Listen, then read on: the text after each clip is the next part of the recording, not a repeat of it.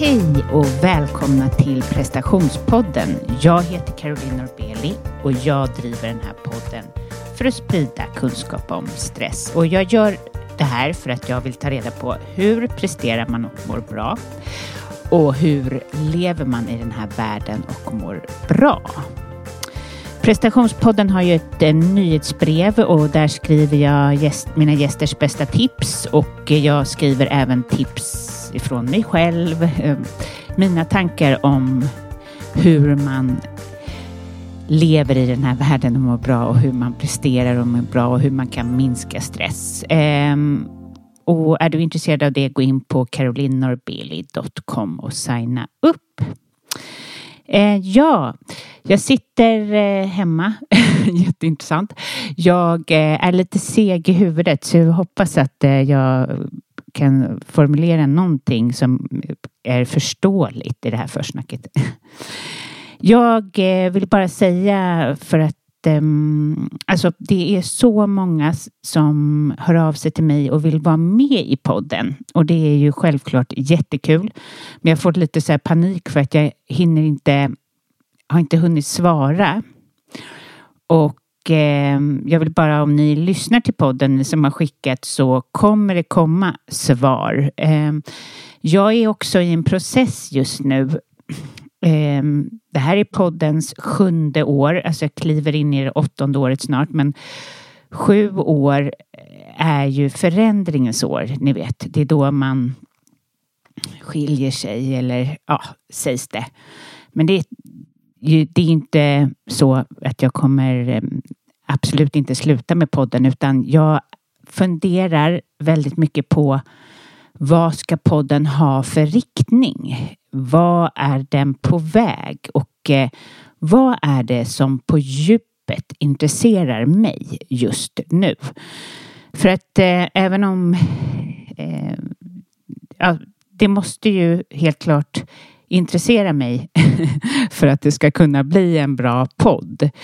Ehm, så mm, jag ehm, tar hjälp av min coach. Jag lever som jag lär. Jag tar, eh, har en superbra coach och mentor som eh, hjälper till att utveckla mig på alla möjliga sätt men väldigt mycket i min business så att säga. Och ehm, så jag, det är därför jag inte svarar än. Jag kommer att komma och, och ge ett svar och eh, ni som lyssnar och gillar podden, alltså det är inte så att jag kommer göra några radikala förändringar, men det är lite så här, vad är riktningen? Eh, vad, är, vad är viktigt just nu? Och eh, eh vad har jag tidigare lyft och inte? Och vad vad brinner jag för? Um, och det är lite där jag står och det är därför det blir som en radiotystnad. Jag borde kanske bara svara med att jag hör av mig, men jag gör det så här istället helt enkelt. Och jag uppmanar ju till att tipsa mig gärna om eh, människor som, som vill komma till podden. Gärna Eh, för poddens räkning så är det ju väldigt bra med människor som kan öka spridningen. Eh, som är intressanta och kan öka spridningen. Alltså tänker ni ut det så är det bara hör av dig på caroline.prestationspodden.se eller eh, ja, hör av er helt enkelt. Eh, på Instagram till exempel. nu hör ni vad seg jag är i huvudet. Eh, Instagram Caroline Norbeli coaching. Um, ja, det är alla hjärtans dag idag, men inte, i, inte imorgon när ni lyssnar. Då har det ju varit. Men jag vill i alla fall passa på för att ni som lyssnar och ni som skriver till mig och ni som Ja, men speciellt, alltså att ni bara lyssnar på den här podden och har gjort det så länge. Eh, det vill jag skicka ett hjärta till er och jag hoppas nu, nu kommer ni ju höra det här dagen efter och då tänker jag så här, äh, inte alla hjärtans dag också till för att ge lite kärlek till sig själv. Ehm, eller det är ju alla dagar, men vi påminnes om. Eh, vi påminns om de vi älskar och vi, men jag tycker, hoppas att det kan vara en påminnelse om att du ska ge något till dig själv. Så nu när du lyssnar dagen efter, passa på nu. Eh, dagen efter, eh, börja ge kärlek till dig själv. Vad kan det vara? För mig har det varit att jag har gått och styrketränat idag, eh, trots att det var motigt och jag har en otroligt kort arbetsdag för att jag måste skjutsa min dotter. Men jag gjorde det ändå och det är kärlek. Alltså disciplin är kärlek till sig själv. Eh, att upprätthålla en disciplin, om det nu är meditation, träning, eh, äta bra, att, att hålla det man lovar till sig själv, det är kärlek. Ehm, så ja, det var bara liksom en liten påminnelse i alla fall. Jag har platser kvar i min coaching, så är du intresserad av att skapa förändring och komma i kontakt med dig själv och eh, må bättre och göra förändringar som att byta jobb eller vad det nu kan vara så hör av dig på carolinorbeli.com. Ja, i dessa dagar så kanske man väljer att gå en digital kurs istället och det har jag ju också. Eh, jag har gjort en digital kurs som heter Skapa förändring och minska stress. Och eh, den har jag tagit fram och till en början var tanken med som att det skulle vara som stresshantering. Och det är det också men det är också en en kurs som förändrar eh, vad det nu är du vill förändra. Jag har tagit fram fem moduler som jag tycker är absolut viktigaste för förändring. Och eh, jag har fått lite olika eh, det är olika som har köpt, olika personer då helt enkelt, som har köpt kursen som har hört av sig och eh, en skriver så här. Att ta Carolines digitala kurs har varit ett eh, riktigt bra beslut för mig. Mitt i en kraftig utmattning. Även på distans kände jag mig sedd. Carolines närvaro och vänliga blick tillsammans med hennes precisa klok och kloka ord träffade direkt mitt innersta. Ja, eh, och jag blir ju så glad att få en sån recension på eh, min första kurs som jag har gjort någonsin. Så blir du lite intresserad av den. Eh, den kostar 1444 kronor och eh, du får ha den eh, jag har inte satt någon begränsning så du kan ha den över tid. Jag vet att det är kunder som sitter med den dag ut och dag in, eller på så här. Men att de, de håller på med den länge ehm, och det, det är helt okej okay för mig så här i början i alla fall. Och så, hör av dig igen då på carolinarbeli.com kurser. Och så har vi retreatet, alltså mitt eh, oktoberretreat håller på att eh, typ fyllas. Men det finns platser, det känns som att folk, alltså jag det är otroligt många som har hört av sig till att åka ner till Deja, eh, vandra, eh, yoga, meditera, äta god mat, eh, få en tid eller en stund för sig själv och eh, kanske hitta någon form av, alltså öka på connection med sig själv. Det är väl det ett retreat handlar om. Men också det här retreatet är väldigt mycket av en upplevelse. Det är, miljön är så kraftfull och eh, så vacker så att eh, ja, det skapar minnen för livet. Så ja, det är den 22 till 25 maj och det är som sagt jättemånga som är intresserade och kanske håller på och beslutar sig. Så in och eh, boka eller in och be om mer information på carolinnorbeli.com.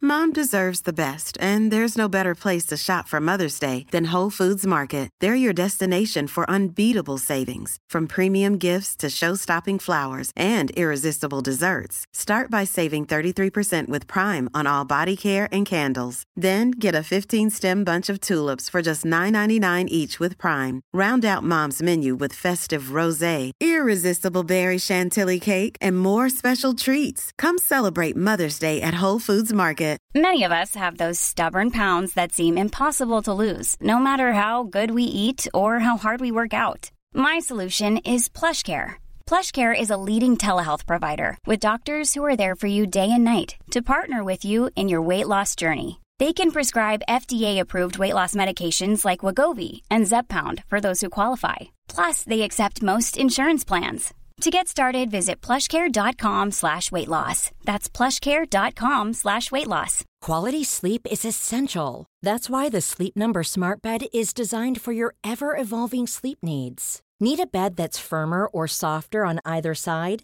Helps you sleep at a comfortable temperature? Sleep Number Smart Beds let you individualize your comfort so you sleep better together. JD Power ranks Sleep Number number 1 in customer satisfaction with mattresses purchased in-store. And now, save 50% on the Sleep Number limited edition Smart Bed for a limited time. For JD Power 2023 award information, visit jdpower.com/awards. Only at a Sleep Number store or sleepnumber.com. Ever catch yourself eating the same flavorless dinner three days in a row? Dreaming of something better? Well, HelloFresh is your guilt-free dream come true, baby. It's me, Kiki Palmer. Let's wake up those taste buds with hot, juicy pecan-crusted chicken or garlic butter shrimp scampi. Mm. Hello Fresh. Stop dreaming of all the delicious possibilities and dig in at HelloFresh.com. Let's get this dinner party started.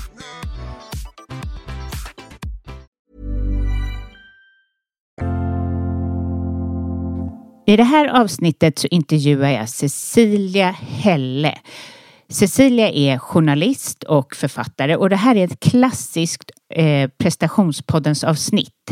Eh, det handlar om hennes utmattning och det som jag tycker är extra fascinerande med Cecilia är att hon, hon är ju journalist så hon har tagit reda på precis allt när, vad som gäller eh, med utmattning och dessutom tar hon ett stort ansvar för sitt egna mående och det gillar jag. Så lyssna till Cecilia Helle.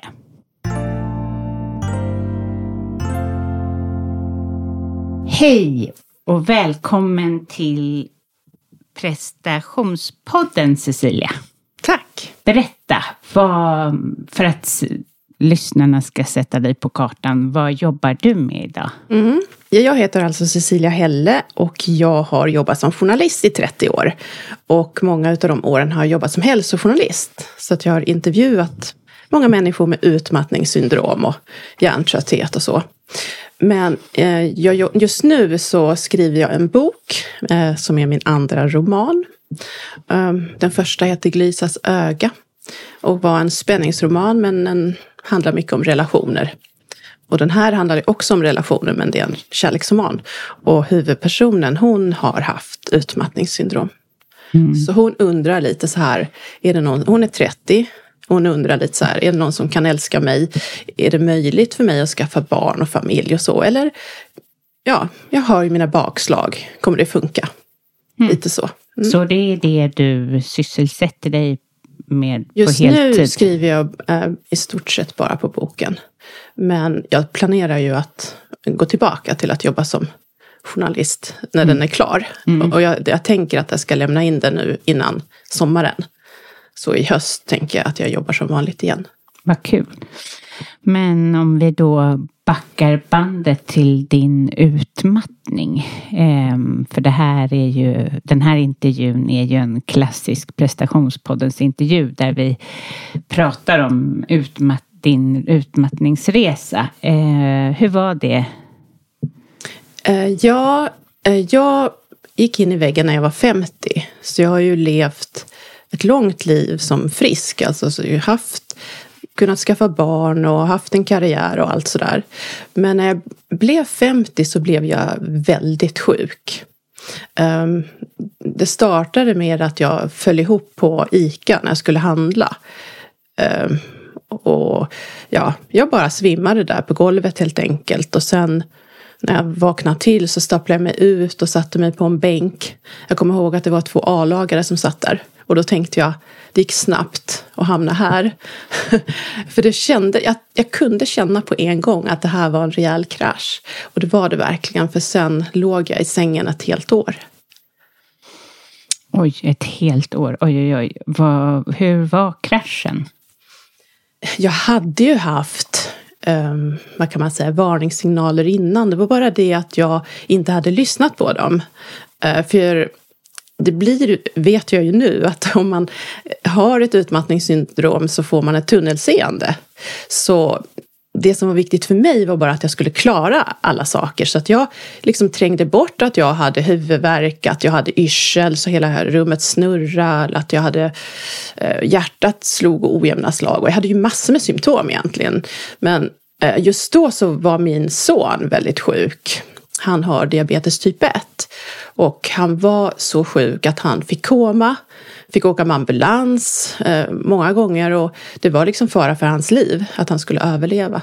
Och samtidigt så var, eh, hade pappa precis fått veta att han hade levercancer, tre år kvar, eller tre månader kvar att leva.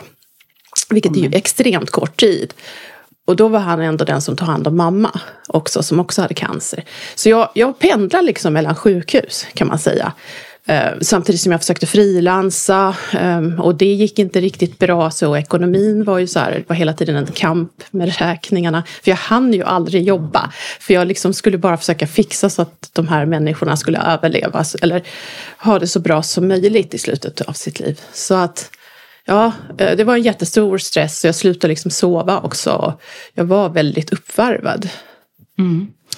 Ja, men herregud, det var ju inte ett dugg konstigt. Det skulle räcka med en av de sakerna för att man, alltså när någon nära inte mår bra. Din son, eh, jag har träffat många personer med, eh, med just eh, som har barn som diabetes. Med det, det, krävs extremt mycket av en förälder och oro och nattetid och allt vad det här är. Och, så ja, eh, men vad befann du dig på för jobb då? Då var jag ju, då frilansade jag ju, mm. skrev om hälsa. Mm. skrev om utmattningssyndrom och sådär. Ja, för alla de här stora tidningarna, Må bra, Topphälsa och um, ja, flera stycken. Men, Vad var det för år? Det här var ju, alltså jag firar ju tioårsjubileum nästa år som, ah. det var tio år sedan jag gick in i väggen då. Um, så jag, men jag har ju varit på en hälsoresa sedan dess kan man säga. Jag är ju en sån person att jag vill lära mig allt om ett ämne. Så jag har ju lärt mig allt som går att lära sig om utmattningssyndrom och stress och så här. Um, jag har utbildat mig till stresscoach också. Fast jag jobbar inte som Nej, det. Precis. Men jag har också liksom verkligen läst allt som går att läsa, alla rapporter, allting. Jag, jag är väldigt sådär, jag vill lära mig. Och jag skrev ju för Må bra, men det är åtta år sedan. Men då kanske inte du var där.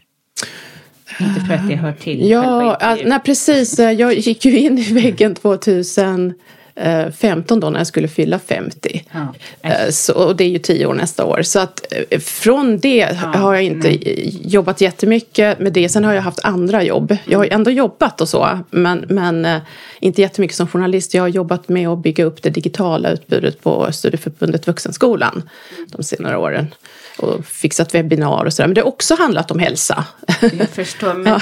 Det jag ville komma till egentligen var inte det här huruvida vi hade träffats där på Må bra eller inte. Men var det så att du undvek de här signalerna för att du ansåg att jobbet var viktigare? Nej, jobbet var inte viktigt alls. Utan det, var, det som var viktigt att min son skulle överleva. Mm. Um, han stod liksom längst bak i kön till en pump. Mm. Och, och om du tar sprutor så blir blodsockret väldigt fluktuerande. Så att jag fick kriga för att han skulle få en pump helt enkelt. Nej. Eh, så det var det som tog mycket energi. Och sen jag att mina föräldrar eh, jag hade varit pappas prinsessa och sådär. Jag alltid kunnat ringa pappa om det var kris. Och nu skulle han dö. Det kändes jobbigt även om jag ju var 50 år. och, och, sen så att mamma dog var ju också jobbigt för jag har alltid haft en sån komplicerad relation till henne. Och då kommer det mycket upp. Eh, mycket tankar och sådär om barndomen och så i samband att eh, ens, ens nära förälder dör. Faktiskt. Jag fattar det. Nej men gud, och jag tror inte det spelar någon roll om man är 50, 60, 70. Det är fortfarande ens föräldrar och det är en extrem sorg. Och livet går ju så sjukt fort. Och ja, när det sker. Eh, men hur blev det då för dig när du, alltså det, du, du, hur, hur gick du in i väggen så att säga? Ja, det var ju då där på ICA att jag svimmade av helt enkelt. För innan dess hade jag ju som sagt inte jag hade ju haft spänningshuvudvärk som blev sen migrän och som blev kronisk migrän. Jag hade varit hos neurolog och de sa ja men det, det här ser inte bra ut liksom. Men du kan få botox, sa de. Och det tänkte jag att det hade ju inte hjälpt mig egentligen. Det hade ju bara tagit bort symptomet. Men det var liksom ingen som sa när jag kom med sådana här symptom att du, håller, du är i förstadiet till utmattningssyndrom. Du håller på att gå in i väggen. Det var ingen som sa det. Och även om jag hade läst mycket böcker själv och så intervjuat många människor så kunde jag liksom inte riktigt tycka att jag hade någonting Alltså jag tyckte inte, jag kunde inte koppla min situation till det. Men sen tror jag också att man blockar ut mycket. För att jag kände, jag har inte tid att vara sjuk. Alltså jag är den enda här som ska fixa allting. Så um, jag får liksom, eller jag vet inte, jag blockar nog ut det mycket. Jag tror inte ens att jag kände alla gånger hur ont i huvudet jag hade. Alltså, man kan blocka ut kroppen liksom. Och så bara köra på och ta kanske en tablett eller så. Så det, var, så det var först när jag svimmade där. Då förstod jag, då skulle jag ha en stor 50-årsfest. Jag hade bjudit jättemycket folk. De skulle liksom flyga till den här festen och planerat det länge och så. Och då förstod jag att jag ork, kommer inte orka hålla den. Det är omöjligt. Så då ringde jag till min man, han var på landet och renoverade. Så ringde jag till honom och sa att jag kommer inte kunna ha min fest. Och då sa han, nej men då får du ringa alla i alla fall. Nu när de har liksom planerat det här så länge och säga att det är inställt. Och då sa jag, ja men det ska jag göra. Så la jag mig på sängen. Och sen, jag var helt död och så bara skickade ett grupp-sms. Festen inställd. Gud vad bra.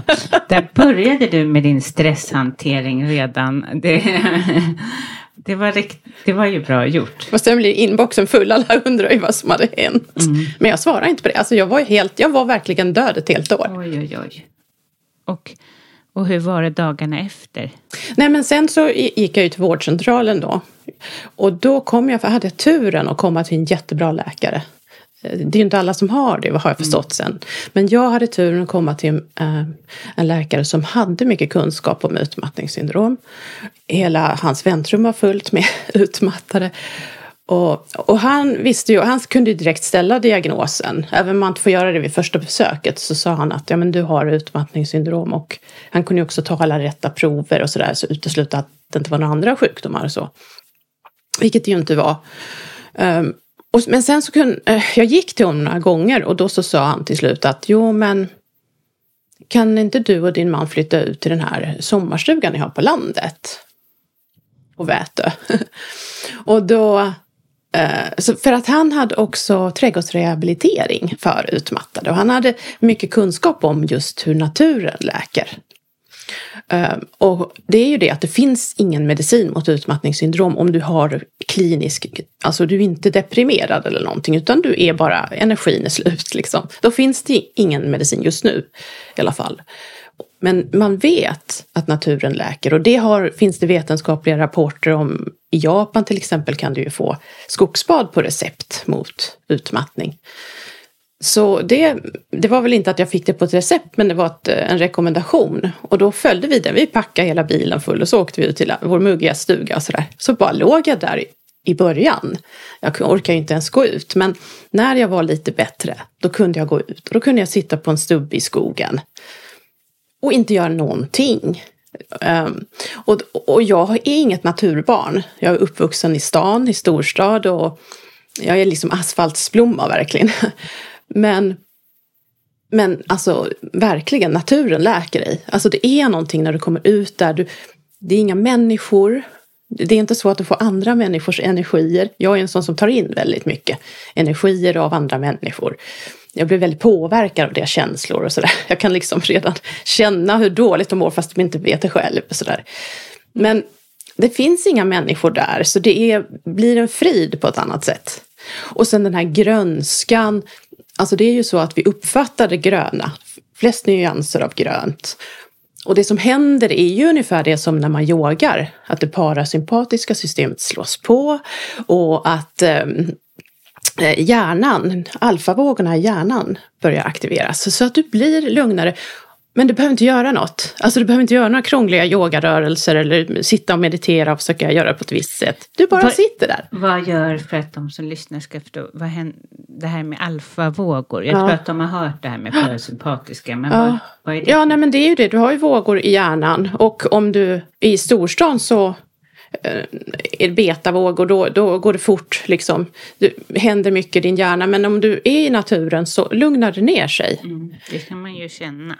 Och det, ja, precis, och det, man kan känna det. Men, men det kräver ju liksom att du är i naturen på ett vilsamt sätt. Att du, att du är där, att du tar in, att du är här och nu. Att du liksom försöker känna hur doftar det, hur ser det ut, hur känns det och sådär. Och liksom bara riktigt ta dig tid att vara där.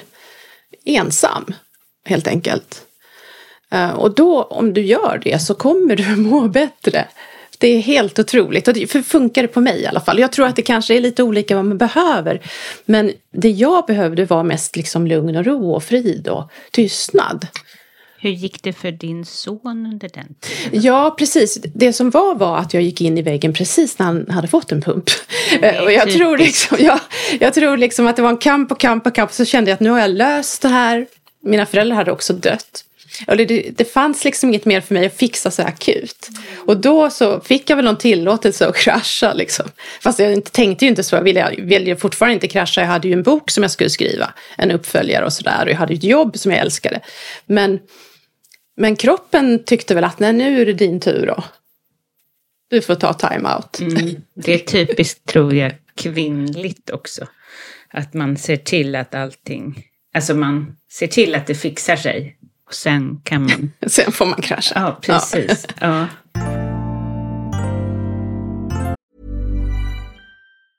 Hey, I'm Ryan Reynolds. Recently, I asked Mint Mobile's legal team if big wireless companies are allowed to raise prices due to inflation. They said yes. And then when I asked if raising prices technically violates those onerous two year contracts, they said, What the f are you talking about, you insane Hollywood ass? F- So to recap, we're cutting the price of Mint Unlimited from $30 a month to just $15 a month. Give it a try at mintmobile.com slash switch. $45 upfront for three months plus taxes and fees. Promo rate for new customers for limited time. Unlimited more than 40 gigabytes per month. Slows. Full terms at mintmobile.com. Many of us have those stubborn pounds that seem impossible to lose, no matter how good we eat or how hard we work out. My solution is Plush PlushCare. PlushCare is a leading telehealth provider with doctors who are there for you day and night to partner with you in your weight loss journey. They can prescribe FDA-approved weight loss medications like Wagovi and Zepbound for those who qualify.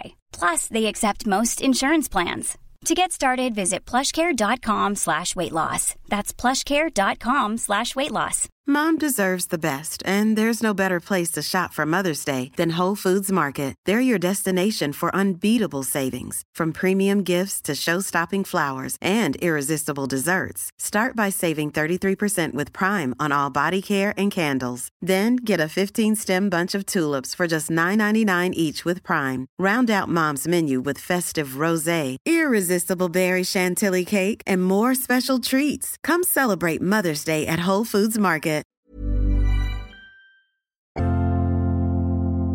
Och så naturen, tystnaden, eh, ensamheten. ehm, och du var där då i ett års tid. Ja, för att det som var lite intressant också var att eh, jag var ju så sjuk så jag kunde inte ens gå på mina föräldrars begravning. Just det. Vilket är eh, ju otroligt konstigt. Men jag, jag kom inte upp ur sängen och då vet jag att prästen som skulle begrava dem, han ringde. Och han frågade så här, ja, jag ska hålla tal, kan du berätta lite om dina föräldrar och sådär så att jag har något att gå på. Och då pratade vi lite och så sa jag, men jag kommer inte kunna gå på begravningen. Alltså jag är så sjuk. Och, och de flesta andra människor blir ju väldigt så här, de tycker att man är lite nonchalant. Alltså ingen på den tiden förstod att utmattningssyndrom var en sjukdom. Alltså folk tycker bara ryck upp dig, klä på dig och kom. liksom. Ehm, alltså ärligt talat, väldigt många det, syntes inte på mig att jag var sjuk, i början i alla fall. Efter ett tag så började man väl se lite sliten ut. Men jag såg ut som vanligt och ingen förstod nog riktigt, utom min man förstås. Och så. Men annars så förstod man inte riktigt att jag var sjuk. Men den här prästen, det som var så skönt med honom, det var att han förstod direkt. Han bara så här, okej, okay, men om du är utmattad då gör du så här, då går du ut till havet och så sätter du dig där och så låter du bara tankarna komma och gå. Mm. Så han. Och det var så liksom härligt tyckte jag. Dels att han liksom inte ifrågasatte om jag var sjuk eller inte. Och sen också att han var lugn med det och att han hade ett bra råd. Men sen så tänkte jag, kan det verkligen fungera? Men det, så gjorde jag det i alla fall. Gick ut till havet, till havsviken där och bara satte mig på en sten liksom flera dagar i sträck. Och det som hände då, och det var väl att det var det här i samband med mina föräldrars begravning också, att jag började minnas min barndom mycket. Och jag började också drömma mycket om saker som hade hänt, som jag liksom inte hade tänkt på alls. Jag är inte en person som liksom gräver i det förflutna, jag har aldrig gått i terapi tidigare eller så. Utan jag har liksom bara kört framåt, så. Framåt, framåt, liksom. Men då kom ju mycket upp i samband, som det säkert gör när föräldrar dör. Och jag mindes väldigt mycket. Och det, när jag satt där och liksom allt kom upp och så här, fick de här mardrömmarna så Sen efter ett tag så var det precis som att det lättade liksom. Jag kände mig bättre. Jag hade väl förmodligen bearbetat väldigt mycket på egen hand. Eh, där vid havet. Just med, tror jag, tystnaden och naturen och, och, och tiden också. Man tar sig den tiden. Mm. Härligt. Eh, och vad, var det överväldigande med de känslorna kring barndomen då? Jo men det var det ju. För att som jag sa så hade jag ju inte direkt velat tänka på det eller så. Um, och jag vet inte, jag tror inte jag det, har ju, det händer ju så otroligt mycket på psykologifronten hela mm. tiden. Så att nu idag så finns det jättemycket kunskap om massor med saker. Men när jag växte upp, det fanns ingen kunskap om någonting i princip. Alltså man, man visste vad en alkoholist var kanske. Mm. Men i övrigt så hade man noll koll. alkoholist och blottare. ja, det kom någon och pratade lite om ja. att det är farligt att röka och dricka sådär i skolan. Mm. Men i övrigt så, så att jag tror att jag hanterade min barndom mycket genom att jag inte förstod, förstod mig på den och att jag bara försökte hålla mig hemifrån. Liksom, mm. Så mycket som möjligt. Mm. Och sen att jag flyttade hemifrån tidigt och att jag flyttade till USA tvärs över Atlanten, liksom, långt bort. Ett mer så här flyktbeteende. Så att det var väl först när jag var 50 då som all, och allt det här kom upp som jag förstod liksom kanske lite mer också okej okay, liksom. Ehm, det här är, till exempel så började jag väl misstänka att jag kanske var medberoende. Och att vi, eh, liksom, jag kan se det bak i släkten. Pappa var väldigt medberoende och liksom farmor var väldigt medberoende. Vi har liksom det där långt tillbaka. Det finns ju ingen forskning som säger att man kan ärva medberoende men i vår släkt så har vi haft det i varje generation. Någon som är, eller flera som är väldigt medberoende. Och det börjar jag väl förstå att oj, liksom, och det här är kanske är någonting jag ska liksom, ta reda lite mer på. Vad kan man göra åt det? Och så, för jag har fortfarande liksom, ett medberoende beteende. Har det funnits någon alkoholist bak i släkten? Det har det ju gjort. Alltså ja. bak, långt bak så var de ju alkoholister hela högen. Men, ja, men pappa sa ju alltid det när jag var liten sådär att vad du än gör liksom så drick inte alkohol. Och han liksom hjärntvättade mig och min bror med det. Så att vi har aldrig druckit en droppe, vi blev liksom helt skrämda. Uh, han hade så fruktansvärda uh, upplevelser från det. Mm. Så att han, han, han verkligen satte skräck i oss. Så att jag har aldrig druckit alkohol faktiskt. Alltså kanske ett glas, men liksom inte, jag har aldrig varit full eller så. Och det är ju pappa som liksom uh, verkligen så skrämde oss. Kanske för att vi hade så här också missbrukargen säkert. Men Alltså att man måste hålla, man måste vara väldigt strikt. Liksom. Och medberoende, eh, hur, hur har du jobbat med ditt medberoende? Ja, sen um, när jag jobbade på Studieförbundet Vuxenskolan så ordnade jag ju webbinarier och ordnade ett med Sanna Lundell. Mm. Och hon är ju en expert på medberoende eller vad man ska säga. Jag vet inte vad hon har för titel. Men hon jo, kan hon ju mycket om det. Hon är medberoendeterapeut. Ja, det kan ja. hon är. Mm. Nej, så hon kan ju mycket om det och då ordnade vi ett webbinarium ihop där jag liksom var den medberoende och hon var experten om man säger. Um, så då, och sen så läste jag hennes bok och jag har läst många andra böcker såklart om medberoende och sådär. Så att, um, och så gick jag hennes kurs också, gjorde jag. Och den, där var det ju många andra som var medberoende så. Um, och det var ju enligt ett visst program och sådär. Mm. Men, men eh, eh, faktum är att även om jag gjorde det och så, då fick jag ju, jag lärde mig på ett teoretiskt plan tycker jag. Men, men jag kände fortfarande att jag fortfarande är, äh, har samma beteende liksom. Om de som inte lyssnar, eller vad säger jag, om den, någon som lyssnar då inte vet vad Nej. medberoende är, vad är det egentligen? Just det. Ja, jo men det är ju att du, du ser till alla andras behov. Alltså för det första så känner du ju in an, hur andra mår direkt. Och sen försöker du fixa alla. Alltså du försöker hjälpa alla och ser till allas behov och så. Det gör du automatiskt och det gör du ju för att du är lärd det sedan du är liten. Liksom, att det har varit nödvändigt då att du är så. Men sen blir det som att du bara gör det per automatik. Och det som är problemet med en medberoende är att man helt enkelt negligerar sina egna behov. Och det är ju därför man då kan bli utmattad till exempel för att man har gjort det under lång period. Att man, man bryr sig inte om liksom man behöver äta eller man behöver vila. Vila gör man inte. Nej.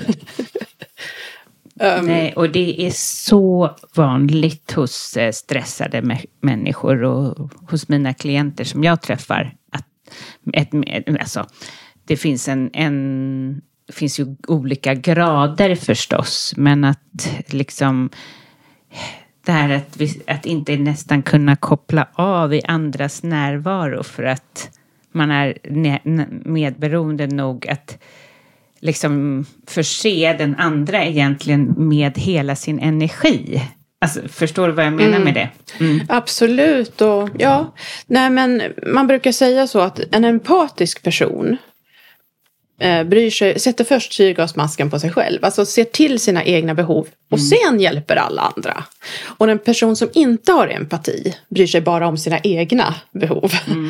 Ehm, och då är man kanske ofta ja, Någonting narcissist eller har en narcissistisk andrag eller så. Ehm, men, men det är många som förväxlar det där och tänker, åh, kan jag inte bry mig om andra nu? Det kan ju man ju absolut göra. Det är helt okej. Men det är bara det att man måste först se till att sin egen bil är tankad, för annars stannar den. Och det är det man missar som medberoende, för att man har ingen träning i det. Att det är alltid någon annans behov som måste prioriteras först. Jag har sett på folk jag, och, och, och, och klienter och folk jag känner, eh, när de ingår i en relation så försvinner de typ in i mannen eller kvinnan. Att de får inget eget liksom. Eh, de tappar sig själva väldigt snabbt i olika, tappar sig själva i jobbet, ska bara prestera, tappar sig själva i relation och finns helt plötsligt inte till för resten av världen. Så. Nej. Jag har eh, gjort jättebra avsnitt eh, kan jag bara säga om för dig som är intresserad av just medberoende eh, om eh, Bo Blåvarg och för dig också om du Mm, är intresserad. har Han är helt fantastisk. Jag har gjort två stycken. Han är guru av medberoende och hans sätt är helt underbart. Ja, Ja. men då måste jag lyssna på Ja. det. För man kan aldrig lära sig tillräckligt mycket. Det jag, det jag tycker har hjälpt mig mest, det, och det har jag ju efter att liksom ha eh, kurerat mig med naturen och efter alla de här stress, stresshanteringsmetoderna som ju du kan också, meditation och avslappning och allt vad det är. Eh, Så tycker jag att, så har jag hittat precis nyligen en terapiform som har hjälpt mig. Och den jobbar ju mycket med medberoendet. Eh, Och då är det att man, det är en traumaterapi så att man går ner liksom i de jobbiga grejerna som har hänt. Ofta kan det vara grejer som man liksom till och med har glömt. liksom. så, här, men, men det är inte så att det är helt glömda minnen men man har inte tänkt på dem länge. Men när man har terapin så kommer det upp och så plötsligt så, oh just det, det här hände ju och det var ju säkert betydelsefullt fast jag inte har tänkt på att det kan ha varit betydelsefullt. Och sen, och sen så med olika tekniker då så löser man upp de här liksom mönstren och inprogrammeringarna som man hela tiden går efter. Och det tycker jag har hjälpt mig faktiskt att jag idag inte är så medberoende längre. Alltså per, mer per automatik. För att naturligtvis kan man ju liksom med stresshantering tänka så, okej, jag ska vila 15 minuter per dag. Eller jag ska meditera 10 minuter. Alltså man kan ju göra ett sånt schema och så har jag ju levt de senaste 10 åren. Men, men, de här, men den här terapin gör att man liksom ändrar sitt beteende. Så att man behöver inte hela tiden gå och tänka på att man ska prioritera sig själv, så man gör det ändå. Precis, det är det som bra terapi eller coaching är till för. Det ska ju inte vara att man lever efter ett, efter ett, efter sitt, man måste ändra sig på djupet. Ja, vad intressant. Trauma. Den heter ICT-terapi och det är ju Malin Henriksson Pratt som har um, bildat den uh, terapiformen. Och hon har ju varit uh, rektor på Psykosyntesakademin mm. tidigare. Och så har hon jobbat 20 år som terapeut. Hon, hon har ju liksom plockat lite här och där. Och det, här, det här ska jag kolla upp. Hon kanske ska komma till podden. Jag tycker absolut. Ja, för att ja. hon kan ju berätta om det här på ett mycket bättre sätt än vad jag kan. Men för jag, jag har ju bara liksom eh, gått i terapin och, och, tyckt att den har gjort stor förändring för mig. Så att jag, mm. jag har inte grundat, Nej. grundat den mm som hon har. Vad, vad, vad, härlig du är som har det här drivet att att förändra. Eh, alltså, man får ju det av en utmattning, men du har ju det i dig. Precis. Att ta reda jo, men på jag allt. Har ju, jag är ju väldigt driven och det har ju två sidor. Mm. Det ena är ju att jag får mycket gjort.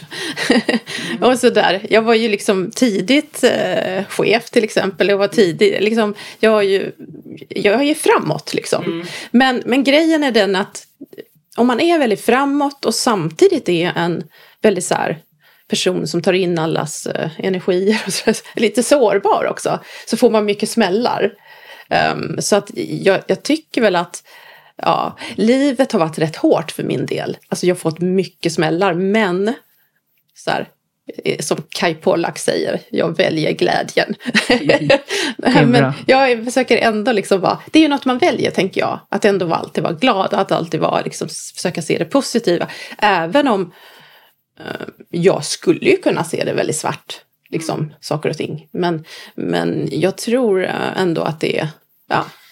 Men när du var där på din utmattning i det här mörkret, mm. kunde du se det positivt? Nej, då kan man ju inte det. Då, du, alltså, först var jag ju bara trött, alltså slut på energi helt, så att säga. Mm. Helt utmattad. Eh, men sen efter ett tag, om, man, om det liksom pågår Eh, Eh, dag efter dag, månad efter månad. Och man är liksom en driven person vanligtvis. Och man kan inte göra någonting. Man kan, jag låg bara i sängen, jag kunde liksom inte tvätta håret, fett hår, liksom eh, inte borsta tänderna. Man orkar ingenting, man orkar knappt äta liksom. Ehm, det är klart att till slut blir man ju deprimerad. Liksom så. Uh, och då känner man ju liksom att jaha, vad är det för poäng? Och jag kommer aldrig komma tillbaka. liksom. Ville de ge dig eh, antidepressiva? Jo, men det, det absolut. Men det tackar jag nej till faktiskt. Um, men och jag tycker väl rent generellt att man ger antidepressiva lite lättvindigt faktiskt. Det, att det, det, är ju ganska många som inte tål dem och som får bli riktigt sjuka sådär. Så att jag skulle säga att blir du erbjuden antidepressiva, fundera ett varv i alla fall innan jo, du tar dem. För att om det handlar om en utmattning så är det en övergående fas. Mm. Är det något annat grundläggande problem mm. du har av en eh, diagnos som är kraftig och det är självmordstankar ja, och sådana saker. Då ska man ju självklart tacka Fast är du, har du självmordstankar så kan du vara bipolär och ska du absolut inte ta antidepressiva. Nej. Då kan du ju gå upp i mani. Nej, så man ska vara jätte, liksom, läs på, fråga second opinion skulle jag säga. Mm. Inte bara liksom svälja ner dem.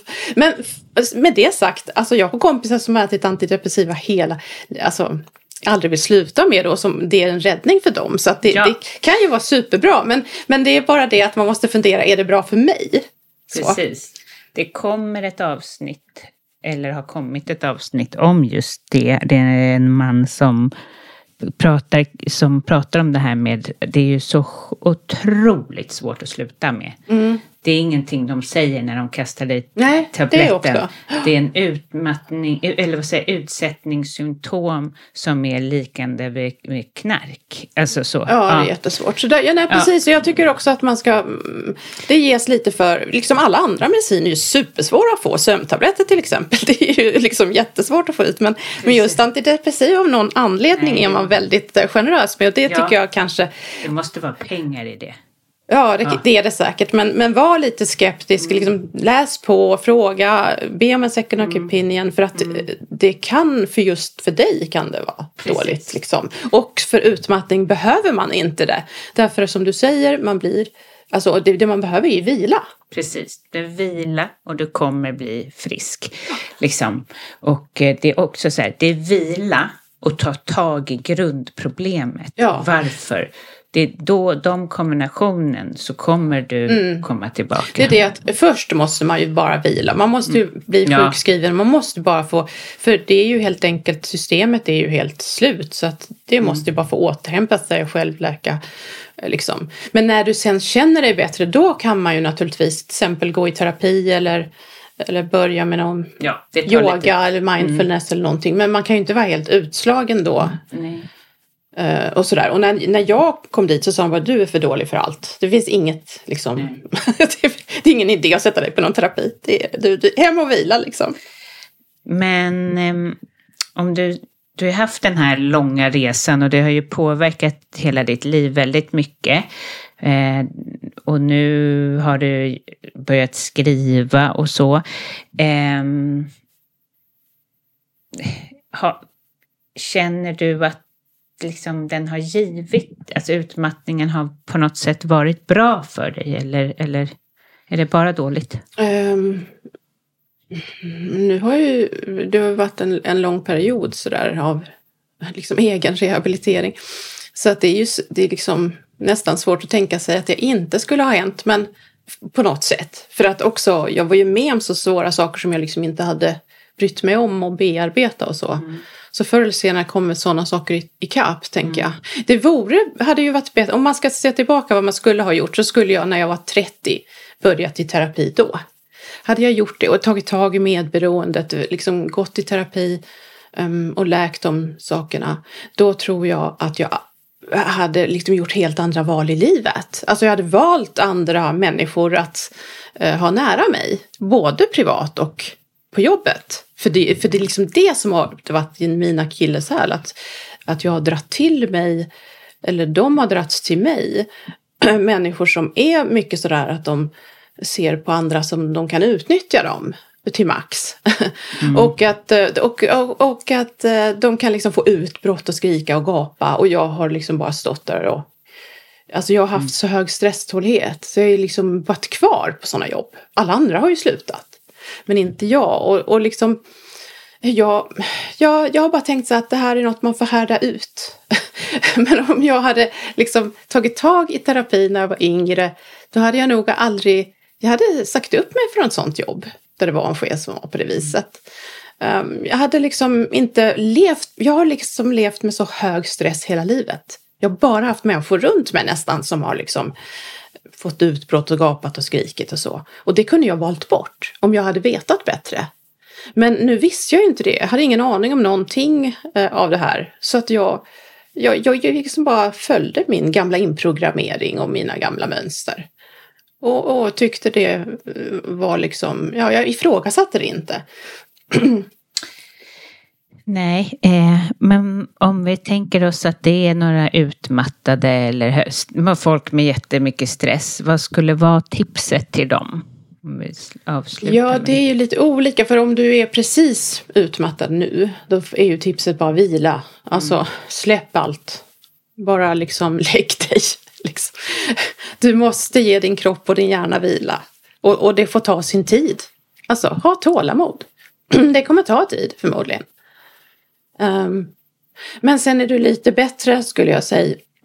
skulle jag säga att ja, försök eh, gå i terapi. För förmodligen är det någonting som du gör själv. Alltså, det är väldigt mycket som händer där du inte kan rå på. Att du kan bli jättedåligt behandlad fast att det inte är ditt fel. Så är det. Men det finns vissa mönster man själv har och det är ju de man kan förändra. Det är ju bara de man kan förändra. Och om du kan förändra dem så att du liksom gör klokare val som är bättre för dig och din hälsa framöver.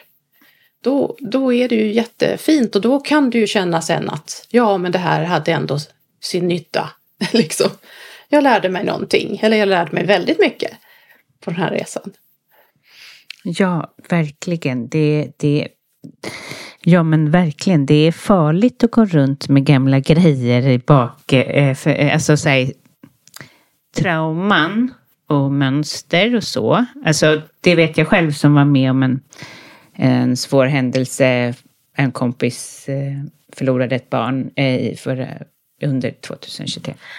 att det dök upp trauman hos mig då. Ja, det här har lyssnarna redan hört, så det är inte intressant. Men, men alltså, vad man, vad man, ja, men precis som för dig, att saker man inte har tittat på dyker upp när du minst anar det i, i det är ganska intressant när man är med om svåra saker. Mm.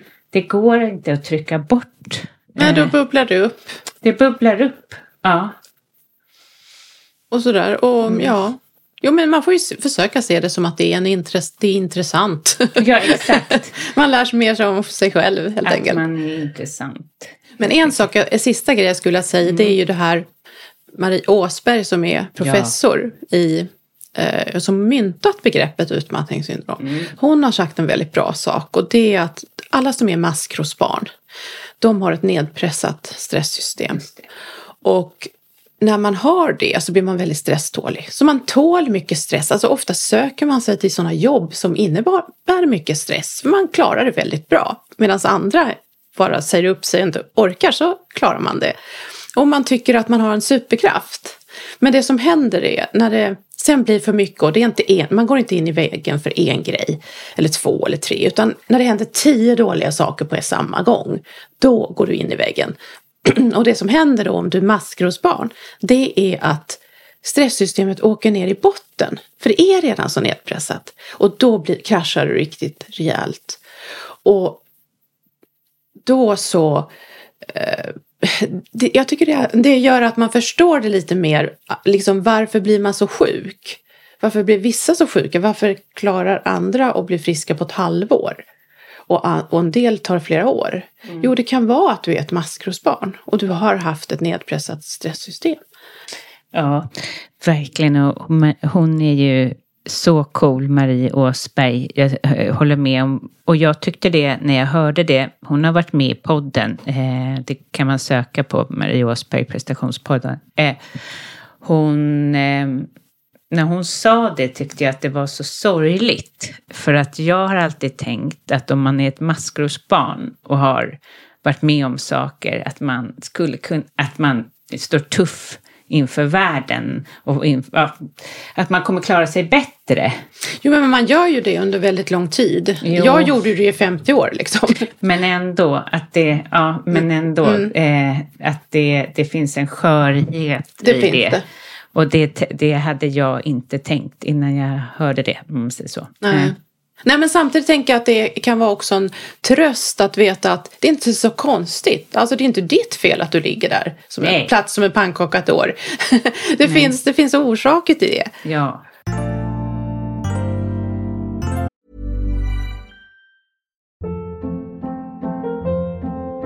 Hold up. What was that? Boring. No flavor. That was as bad as those leftovers you ate all week. Kiki Palmer here, and it's time to say hello to something fresh and guilt-free. Hello Fresh. Jazz up dinner with pecan-crusted chicken or garlic butter shrimp scampi. Now that's music to my mouth. Hello Fresh. Let's get this dinner party started. Discover all the delicious possibilities at hellofresh.com.